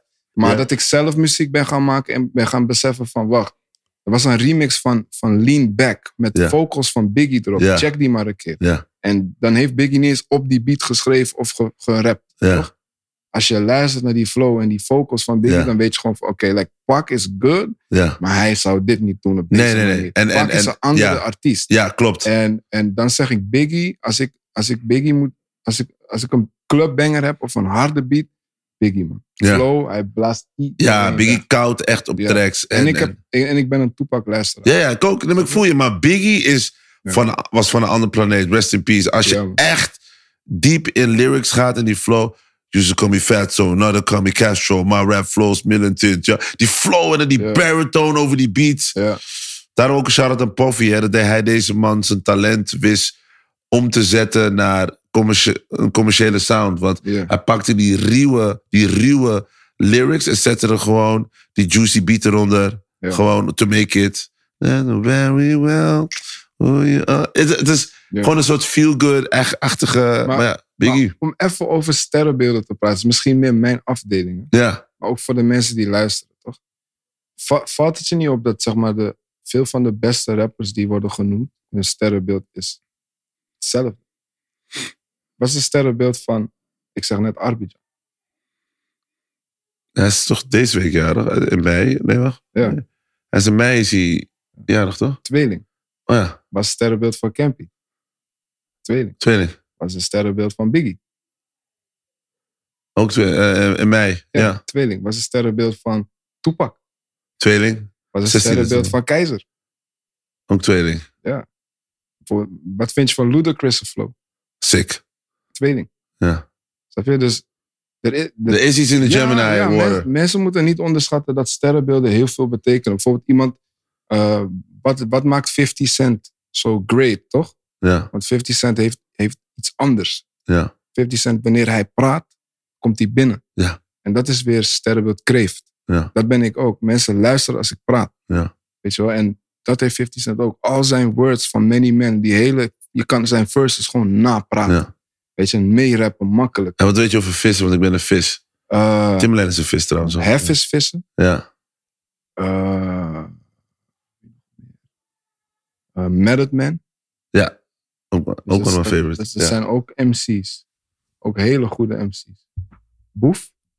ja, Boef is ook een vis. Ja, Shout out naar Boef. Je, mijn, mijn hoofd is raar, hè? Ja, man. Dat, je, dat je op sterrenbeelden let. Ja. Wauw. ja, maar zo kan je heel veel dingen uitspelen, weet je. In het leven, echt waar. Maar ook, het is niet voor niks ook in relaties dat dingen wel of niet matchen. Ik ben niet die astro-tv-type person. Ik ben Ja. echt diep gegaan en gaan zoeken van, yo, er klopt heel veel met die sterrenbeelden. Weet je, Ja. Voor- weet je toevallig de, de sterrenbeeld van jouw moeder? Hij is tweeling. Tweeling. En vader? Hij is een kreeft. Kreeft. Ja. Oké, dus vissen en kreeft gaan goed samen. Ja. Dat is bijvoorbeeld iets wat ik heel veel terugvind in vader of, of, of een ouder en kind. Ja. Want ik ben kreeft en mijn moeder is weer vissen.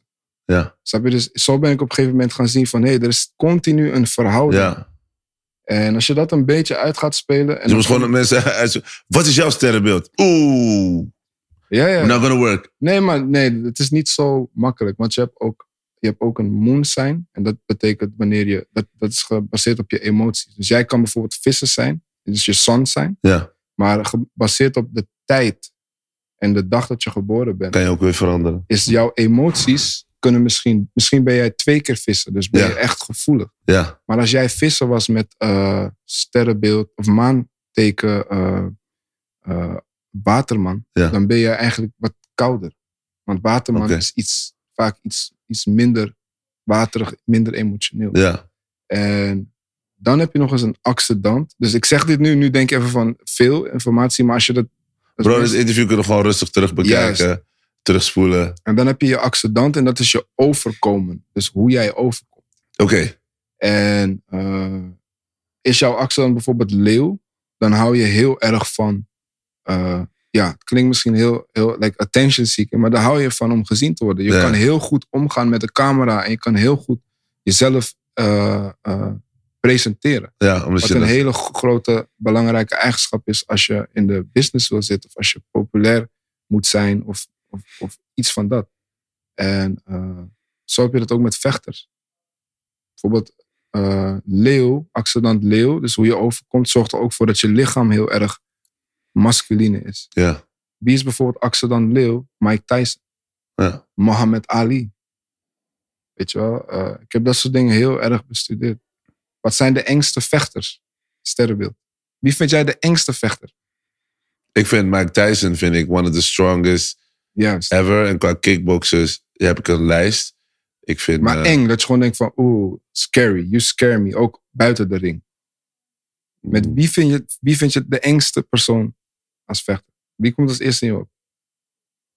in Mike Tyson popt altijd zelfs op eng. Ja. Heb ik denk altijd Mike Tyson. Oké, Mike Tyson's sterrenbeeld zon is kreeft. Ja. En zijn maanteken is schorpioen. Dus dat zijn hele enge, die kunnen heel donker gaan. Zeg Ja. maar. En kreeft, mannelijke kreeft zijn ook heel. Als je kijkt, serial killers of FBI-list, sterrenbeelden, hebben ze onderzoek gedaan. Dat is kreeft nummer één. Migado. Ja. en Als ik een kreeft moet ik zeggen... "Ey." ja, kreeften zijn ze passionate. Ja, ja, ja. Weet je wel? En eh, wie heeft bijvoorbeeld ook Moon Scorpio, net als Mike Tyson, dat is weer Bruce Lee.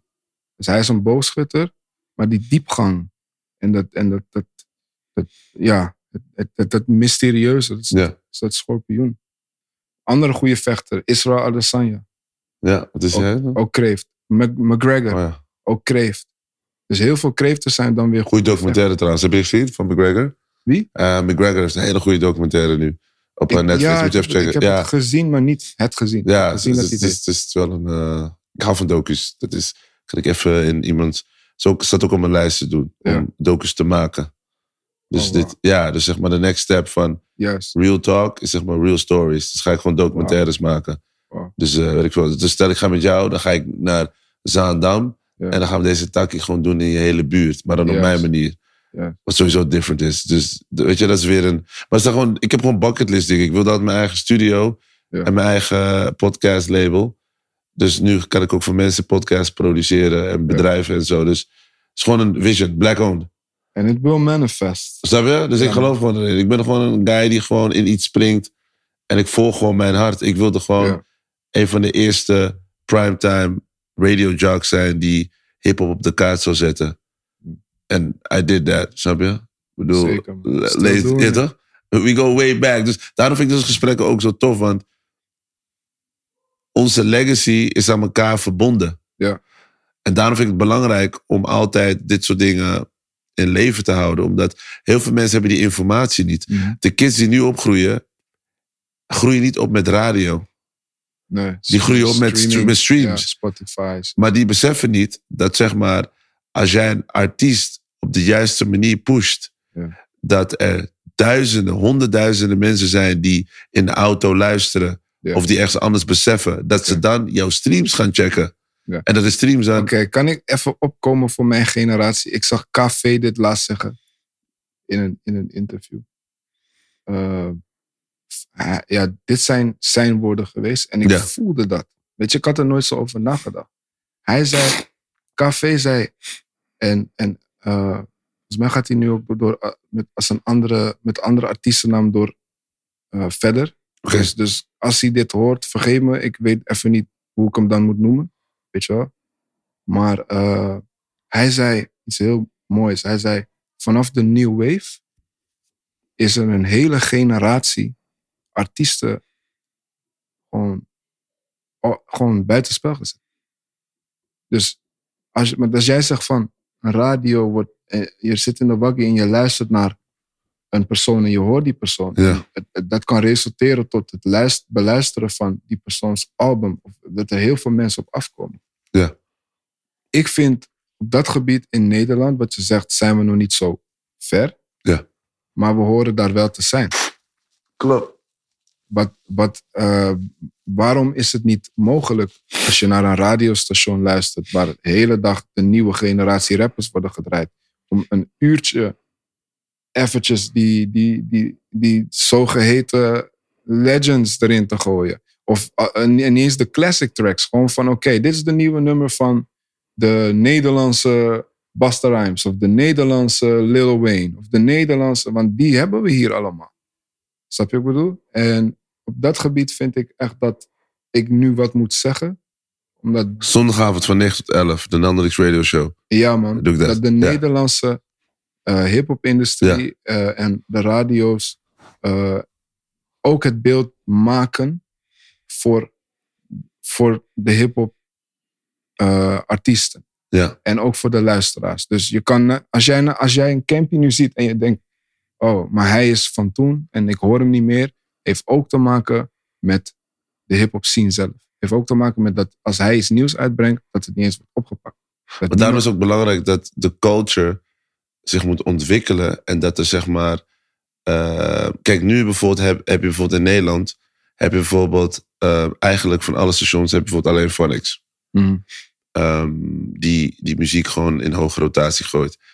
Ehm, ik ben dan iemand die vanaf het begin. Nou, Phonics is uit 2002. Ik kwam in 2004. Dus ik ben een van de.